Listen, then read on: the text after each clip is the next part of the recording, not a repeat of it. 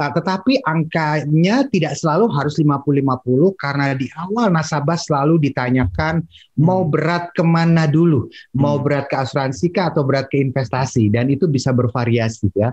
Kemudian lama-lama tahun kedua bisa terjadi perubahan. Lama-lama biasanya yang untuk asuransi itu menip, mengecil, yang yeah. porsi untuk investasi membesar-membesar sehingga pada tahun tertentu bisa tahun kelima, tahun keenam 100% untuk investasi. Hmm. Nah ini salah pahamnya muncul. Salah pahamnya adalah orang sering kali mengira dari awal dia menyetor itu sudah 100% untuk investasi. Hmm. Seperti itu. Itu pertama. Sehingga apa? Ini pun sudah salah. Pertanyaannya sekarang yang salah siapa? Yes, bisa yes. agen nggak menceritakan yeah. ya atau bisa juga agen bercerita dia sudah kasih tahu tapi yang dia tekankan adalah iming-iming dari potensi hasil reksadananya. Jualannya ya. malah ke situ gitu ya Mas ya? ke sana malah ke situ. Tagar Institut, Jurnalisme dan Riset.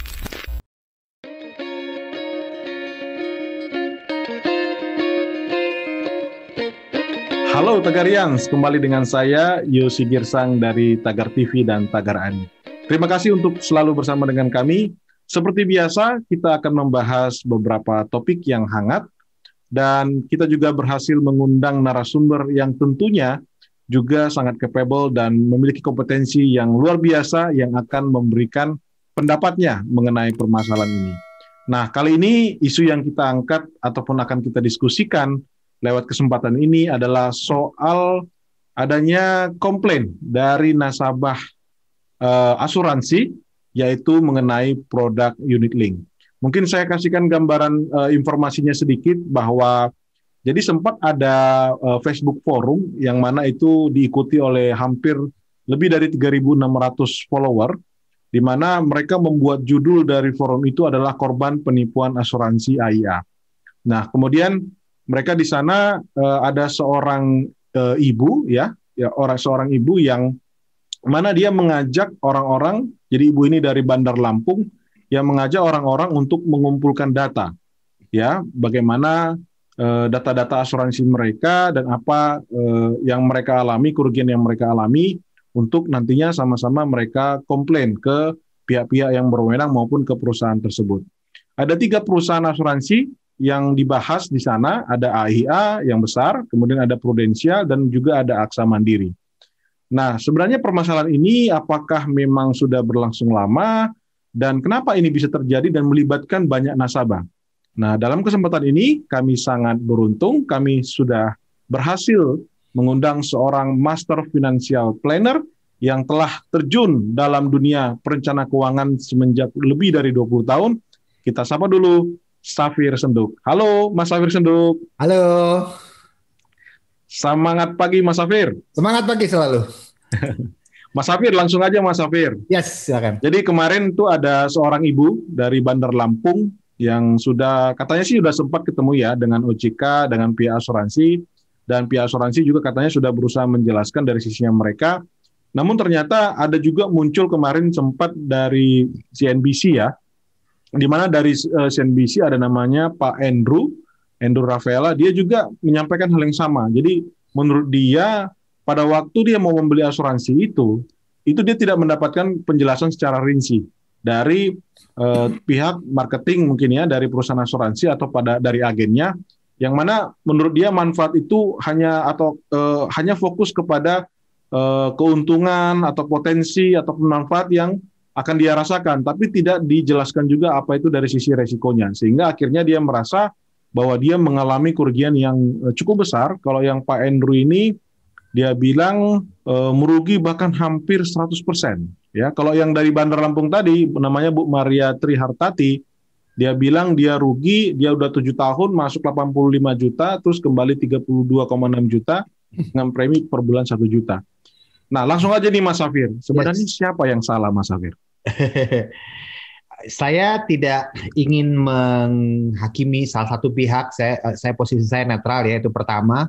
Kemudian kedua adalah kita harus pahami dulu bahwa ketika terjadi sengketa antara antara nasabah dengan sebuah lembaga keuangan, Uh, walaupun katakan ada 10 nasabah yang bersengketa dengan lembaga keuangan, patut dipahami bahwa setiap nasabah tentu kasusnya beda-beda, sehingga saya tidak ingin mengambil kesimpulan atas semuanya penyebabnya sama tidak tidak ya. Tugas saya di sini netral.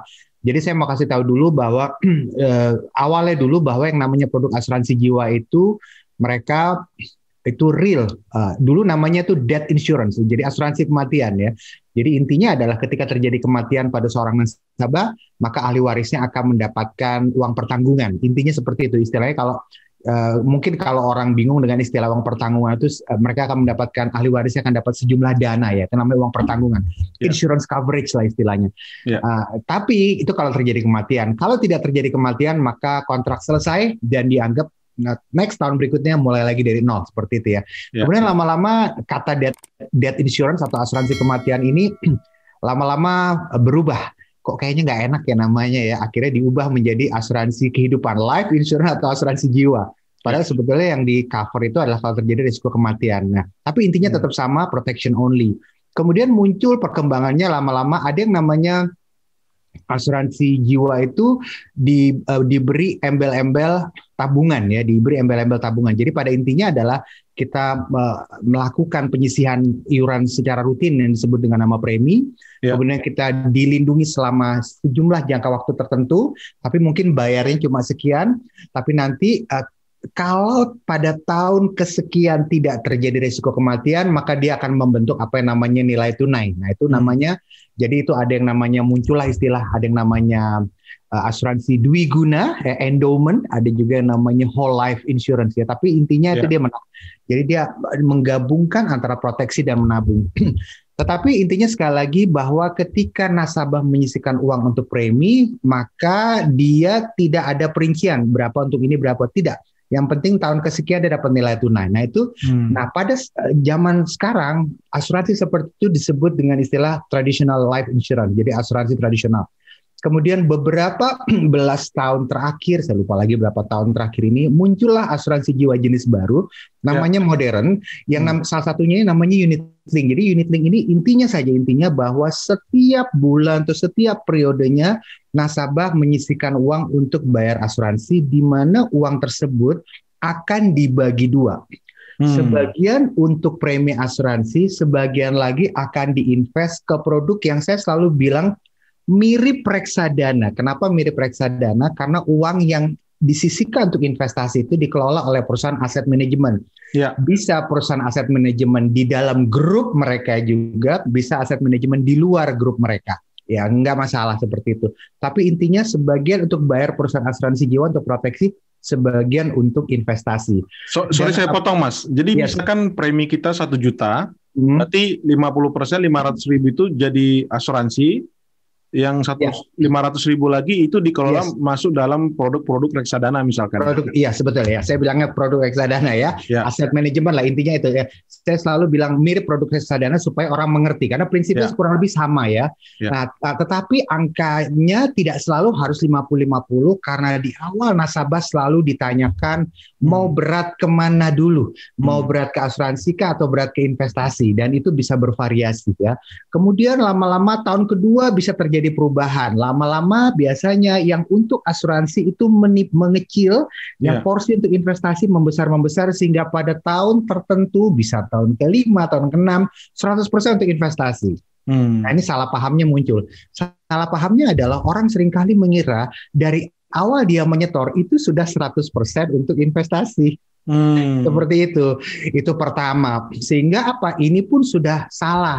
Pertanyaannya sekarang yang salah siapa? Yes, bisa yes. agen nggak menceritakan yeah. ya atau bisa juga agen bercerita dia sudah kasih tahu tapi yang dia tekankan adalah iming-iming dari potensi hasil reksadananya. Oh, investasinya malah yang investasinya. Jualannya ya. malah ke situ gitu ya Mas ya. ke sana malah ke situ. Atau bisa juga dia menceritakan tapi nasabahnya itu nggak mudeng. Nah ini ah, juga jadi jadi ya, kita, ya. saya nggak bisa tahu yang mana yang salah seperti itu. Atau bisa juga kadang yang repotnya sendiri adalah bahwa sering kali lembaga keuangan itu itu memberikan targeting kepada agennya bahwa agen ini harus dapat target API. Jadi annual premium income yang harus dia raih sebagai seorang agen. Hmm. Sehingga sering kali agen itu mikirin mikirinnya yang penting terjual deh. Hmm.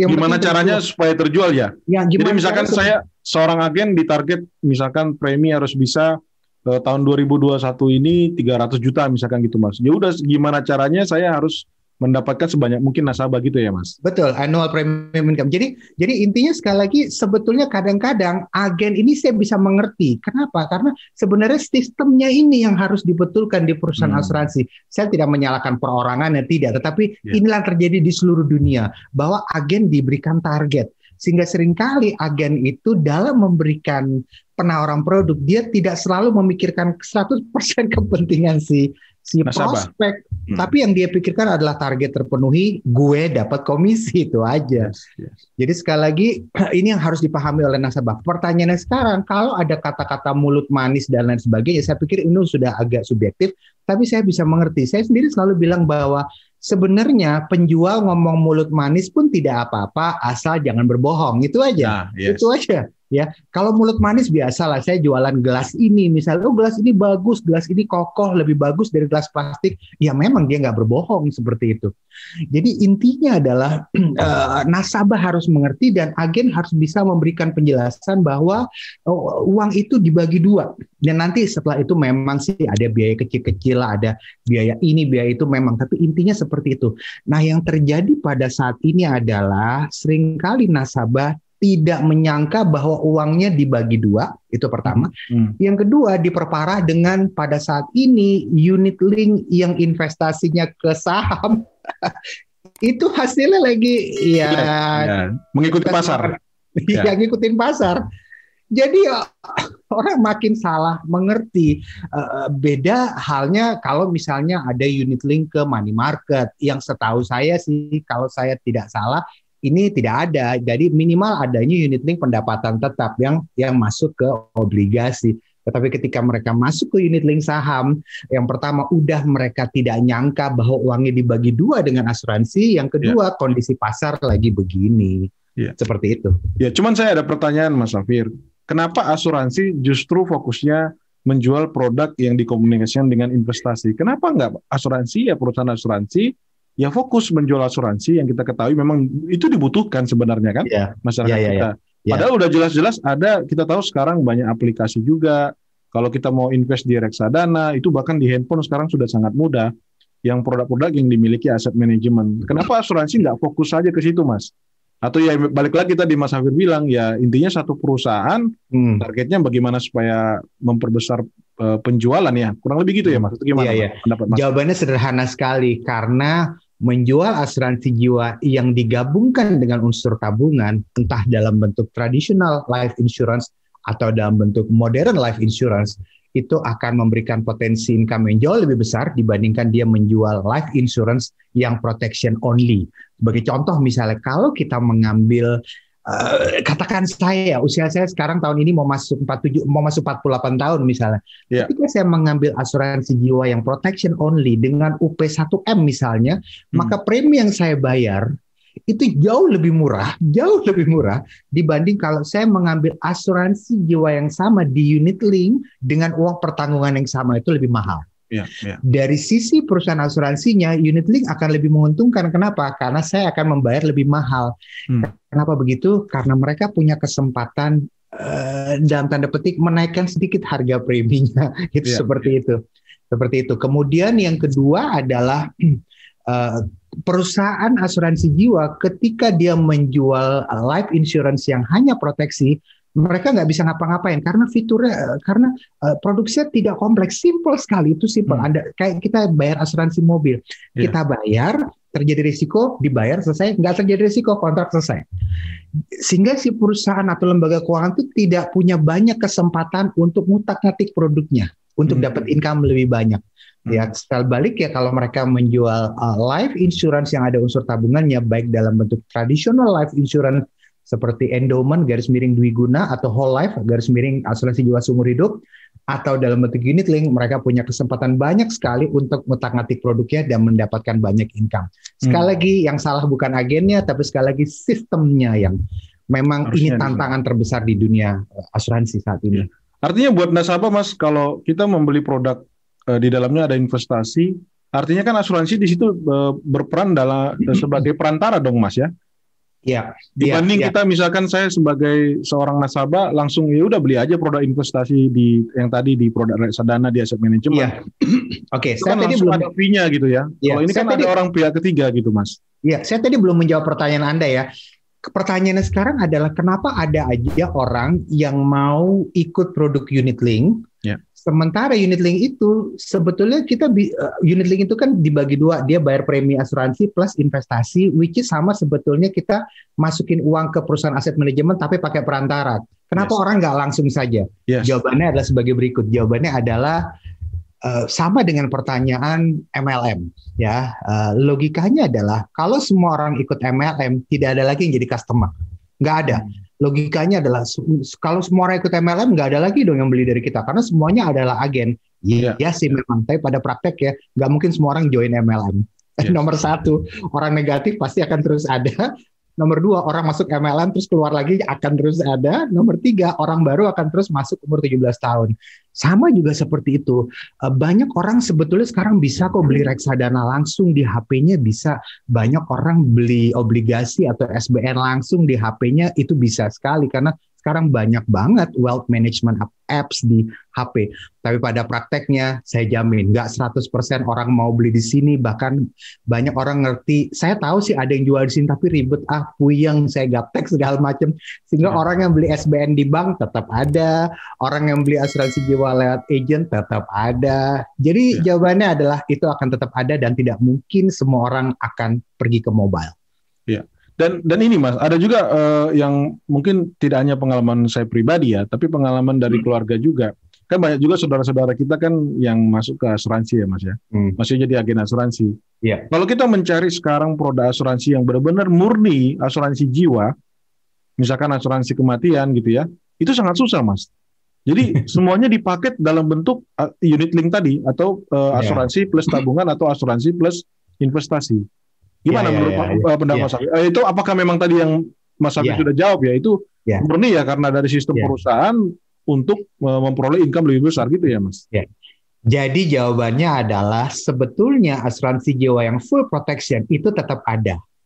Cuma kadang-kadang ada kebijakan si agent atau kantor agensi yang bersangkutan tidak mau jual protection only, dia hanya mau menjual yang di asuransi jiwa yang dicampur dengan unsur tabungan, entah dalam bentuk tradisional atau unit link. Itu seperti itu kebijakannya atau ada juga beberapa perusahaan yang mereka memang saya nggak mau lagi jual protection only. Protection only saya hanya mau jual kalau ada perusahaan jadi kalau perusahaan ada perusahaan yang ingin mengasuransi jiwakan karyawannya 100 orang, nah itu saya mau jualan. Tapi kalau cuma hmm. satu orang, perusahaannya nggak mau jualan. Jadi jawabannya sebetulnya ada masih, tapi kita harus rajin window shopping.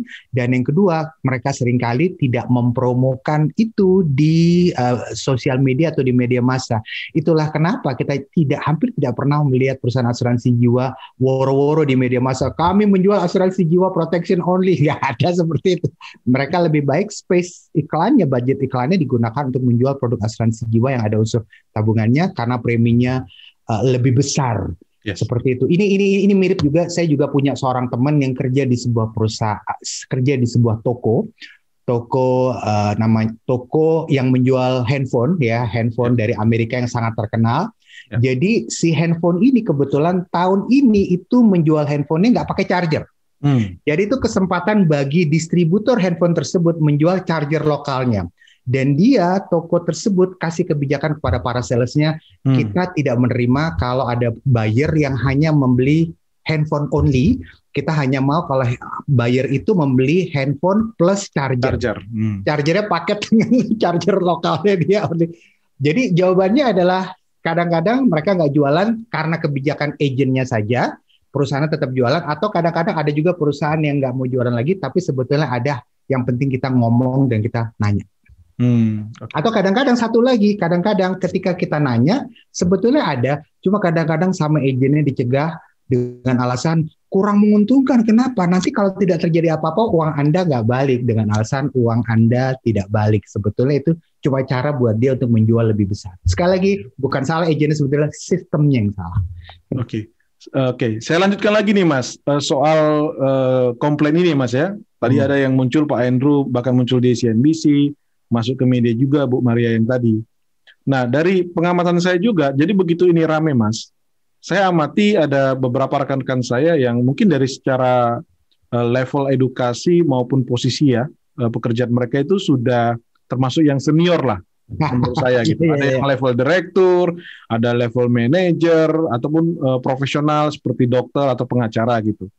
Nah, ketika rame isu uh, komplain ini tentang asuransi uh, unit link ini, mereka ikut bersuara akhirnya. Mungkin karena tertrigger, wah ya gue juga ngalami, ternyata mungkin selama ini diam-diam aja gitu. Hmm. Cuman yang saya terkejut itu adalah bahwa ya dari level yang sudah cukup uh, tinggi seperti itu aja yang saya asumsikan mereka punya edukasi uh, investasi maupun asuransi yang lebih baik. Ternyata mereka juga komennya sama gitu bahwa mereka merasa ditipu, mereka merasa dirugikan, bahwa agen itu hanya memberikan janji-janji muluk lah. Itu eh, eh, apa testimoni yang mereka lakukan.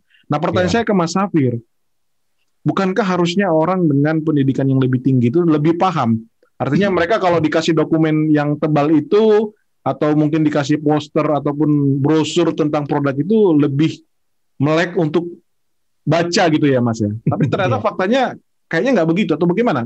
Iya iya iya. Mas Safir. Iya ini menarik, ini menarik. Kenapa? Sebenarnya nggak hanya di sini, banyak orang kayaknya kok kita lihat kayaknya pendidikannya bagus ya atau kayaknya dia bak, uh, mereka tapi kok banyak dari mereka ikut money game seperti itu ya. Saya punya banyak sekali teman-teman bahkan dia you know what dia kerja di bank, dia kerja di bank, and you know what dia ikut money game, kerja di bank dia ikut money game. Pertanyaannya, apakah dia nggak tahu? Sebagian tahu, sebagian nggak tahu. Ya, jadi sebenarnya saya punya jawaban terhadap pertanyaan itu. Kenapa banyak sekali orang-orang dengan jabatan bagus, jabatan tinggi, mereka salah mengelola uangnya karena sebetulnya mereka yang punya jabatan tinggi itu tidak menjamin mereka mengerti cara mengelola uang itu pertama. Yang kedua adalah orang yang punya uang banyak di rekeningnya juga tidak menjamin mereka punya pengertian yang bagus terhadap uang. Saya kasih contoh ya. Saya sendiri sering diundang memberikan materi di depan ya. para nasabah prioritas perbankan ya. Namanya nasabah prioritas perbankan minimal mereka harus punya dana katakan 500 juta rupiah sampai 1 M ya. ya. Sehingga para uh, orang banknya, para RM-nya, relationship manajernya mungkin atau para customer service bilang e, Mas Hafir ini mereka nasabah prioritas, mereka pasti sudah mengerti tentang uang. Jadi bagaimana kalau Mas Hafir bawakan topik tentang market outlook dan lain sebagainya ya. Oke, saya datang, kemudian saya berbicara. Yang lucu adalah banyak di antara mereka ternyata itu sering kali tidak mengerti bahwa deposito saja ada yang namanya deposito berjangka, ada yang namanya sertifikat deposito. Mereka nggak ngerti. Eh, mereka mereka juga nggak tahu bahwa yang namanya ori mereka sudah sering dengar tapi mereka juga nggak tahu apa itu ori. Kemudian setelah saya jelaskan ori itu adalah negara mengeluarkan surat utang, Anda beli surat utangnya, negara ngutang tiga tahun, uang uangnya dibalikin, Anda dapat bunga. Oh baru dia ngerti. Oh seperti itu. Bahkan di antara mereka banyak yang tidak mengerti uh, saham mereka sudah sering dengar, tapi yang mereka tahu saham itu hanyalah sebuah komoditi yang turun naik turun naik. Mereka nggak tahu bahwa saham memberikan dividen. Jadi ternyata kenapa banyak di antara mereka yang tidak mengerti walaupun dananya banyak. Karena sering kali jumlah dana banyak yang mereka dapatkan nggak ada hubungannya dengan pengetahuan keuangan mereka. Saya kasih contoh. Ya. Mereka sering kali bisa jadi nasabah besar di perbankan karena nomor satu mungkin mereka punya toko, tokonya laku luar biasa dan ya. mereka punya uang banyak dari hasil jualan barang di tokonya. Tapi tetap karena mereka nggak punya pengetahuan, mereka taruh saja di bank dan mereka nggak ngerti mesti dikemanakan. Itu pertama. Atau mereka seorang profesional profesional, dokter misalnya. Dokter itu mungkin memang ahli dalam hal dia ngobatin seperti itu ya. Tapi ketika dia punya uang banyak, tetap aja nggak menjamin dia tahu apa bedanya reksadana dengan unit link, apa bedanya reksadana ada pembagian ini juga nggak tahu. Ada juga orang yang dia punya dana besar di perbankan karena mungkin dia menikah dengan orang kaya sehingga jadi banyak yang terjadi atau dia mewarisi dana besar dari orang tuanya. Orang tua, ya. Tapi uh, itu tidak menjamin dia punya pengetahuan. Jadi saran saya buat teman-teman saya di perbankan atau di lembaga keuangan, orang yang punya dana besar tidak jamin dia punya pengetahuan keuangan yang baik. Kadang-kadang orang yang dananya lebih sedikit, pengetahuan keuangannya kadang-kadang lebih baik. jadi jadi itulah yang menjawab kenapa banyak sekali orang yang punya jabatan tinggi entah dia direktur dan lain sebagainya dia tidak mengerti eh, membedakan investasi ini dan investasi itu hanya karena pekerjaannya sebagai direktur sebenarnya kadang-kadang nggak ada hubungannya dengan pengetahuan investasi. Ya. Itu jawabannya. Oke, berarti nggak nggak menjamin ya Mas ya. Artinya kita menjamin. tetap sebagai uh, individu ya harus belajar juga gitu ya Mas ya. Betul, betul. Belajar, membaca buku, bertanya, ya mungkin ikut seminar-seminar, ikut kelas juga supaya tahu lah secara betul. lebih lebih clear gitu ya Mas. Betul. Oke, uh, uh, pertanyaan penutup nih Mas Safir. Tadi ya. sebenarnya Mas Safir sudah uh, membuat sedikit summary dari uh, kasus ini, dari permasalahan ini tapi saya pikir uh, supaya teman-teman uh, nantinya penonton Tagar TV ini bisa mendapatkan summary yang lebih kompak lagi, mungkin Mas hmm. Safir sebagai penutup bisa menjelaskan sebaiknya apa uh, masukan dari Mas Safir baik ke sisi industrinya maupun ke sisi nasabahnya supaya apa ke tahun-tahun berikutnya atau ke depannya tidak ada lagi permasalahan yang akhirnya sampai ke berujung ke kerugian dan uh, bahkan ada yang ke pengadilan gitu Mas. Yes, supaya yes. supaya istilahnya kan tujuan orang untuk beli asuransi uh, untuk proteksi, bukan justru uh, akhirnya uh, muncul di permasalahan yang justru tidak bagus dari sisi industri kan karena yeah. masyarakat kita biasanya kalau sudah uh, mendengar uh, sedikit bahwa ini negatif, akhirnya itu semacam bola salju yes. yang akhirnya pada industri juga berdampak buruk gitu. Wah itu yeah. produk jelek tuh, padahal sebenarnya bisa jadi ini persoalan tentang uh, jalur informasi, mas. Silakan Mas. Ya, ya. Jadi yang pertama adalah dari sisi nasabah, nomor satu pastikan nasabah betul-betul mendengarkan dan menyimak apa spesifikasi produk yang diterangkan oleh si agent ya. Dalam hal ini unit link misalnya si nasabah betul-betul harus mengerti bahwa unit link adalah produk di mana uang yang kita bayarkan itu akan dibagi dua itu akan dibagi dua dan tidak 100% langsung ke investasi. Seperti tapi dibagi dua sebagian untuk asuransi dan menjadi income premi bagi perusahaan asuransi dan sebagian untuk investasi. Kemudian lama-lama angkanya membesar dan persennya akan disepakati ya. Itu nasabah harus mengerti dulu ya. Kemudian juga nasabah juga harus membaca tulisan kecil-kecil yang ada di polisnya karena kadang-kadang tulisan kecil-kecil itu juga memuat angka-angka persen uh, pembagiannya seperti apa spek produknya seperti apa dan ini yang banyak tidak dilakukan. Nomor tiga adalah kalau segala macam uh, produk keuangan atau pro, kita ingin mengambil produk yang betul-betul membuat kita harus membayar dana dalam jumlah besar misalnya maka harus dipastikan adalah pastikan kita tahu kita dapat apa kita dapat seberapa bagian itu yang ketiga. Kemudian yang keempat memang mungkin saya juga belum uh, belum terangkan tadi bahwa sering kali akan sulit mengharapkan hasil investasi yang maksimal pada produk asuransi jiwa. Kenapa? Karena pada produk asuransi jiwa sering kali fokusnya adalah pada proteksi. Hanya pada unit link lah yang memang jelas dibagi ya. Untuk premi asuransi sekian untuk investasi aset manajemen sekian sehingga inilah yang akan diputar. Pada asuransi jiwa tradisional itu lebih ngawang-ngawang lagi. Kenapa? Karena angka nilai tunai itu ditentukan oleh mereka. Sementara pada unit link angka angka hasil investasi ditentukan oleh market. Kemudian juga pahami bahwa unit link yang uh, masuk ke saham atau unit link saham misalnya harus dipahami bahwa pada saat ini pandemi ya memang uh, lagi lagi pada begini, lagi kondisi saham memang tidak sebagus kalau bukan lagi pandemi ya seperti itu dari sisi nasabahnya. Dari sisi perusahaan asuransi ya saran saya adalah coba carikan sistem di mana nasabah uh, si agentnya ini tidak dikejar target melulu sehingga membuat dia dalam menerangkan produk fokusnya adalah pada jualan. Saya sering kali mendengar kadang-kadang saudara saya sendiri juga masuk jadi agent asuransi tapi saya ngintip, saya mendengarkan, saya nguping acara trainingnya di situ si trainernya ngajarin bahwa ayo kejar premi yang lebih besar. Ayo kalau bisa dia ambil produk ini karena ini preminya lebih besar. Itu melulu yang ditekankan sehingga saya sendiri prihatin. Jadi sekali lagi ini sekali lagi bukan bukan salah agentnya, ini sistem. Jadi perusahaan asuransi harus mencari sebuah sistem bagaimana caranya si agent ini bisa tetap berjualan tapi dengan tetap memikirkan kepentingan nasabahnya ya. Kemudian juga perusahaan asuransi juga saran saya juga uh, tetap harus bisa menyediakan tetap harus bisa menyediakan produk-produk asuransi jiwa yang full proteksi ya. Tidak usah ditutup-tutupi produk asuransi jiwa yang full proteksi dan jadikan ini sebagai alternatif bagi mereka yang ingin mengambil asuransi jiwa yang full protection only. Kemudian juga uh, saran saya buat buat para agent atau nasabah ketahuilah bahwa apa pun jabatan Anda di pekerjaan, berapapun dana yang Anda punya saat ini itu tidak menjamin Anda jadi tidak belajar tentang keuangan, tentang investasi. Karena saya sering ketemu orang yang jabatannya bagus ya, sekolahnya tinggi tapi terjebak salah dalam mengelola keuangan, salah dalam mengelola investasi. Anda tetap harus belajar. Yang saya sering ketemu adalah banyak sekali orang yang dananya sudah sudah banyak dia jadi males belajar. Aduh saya udah nggak ngerti lagi yang kayak begitu-begitu tapi habis itu dia aktif main sosial media seperti itu.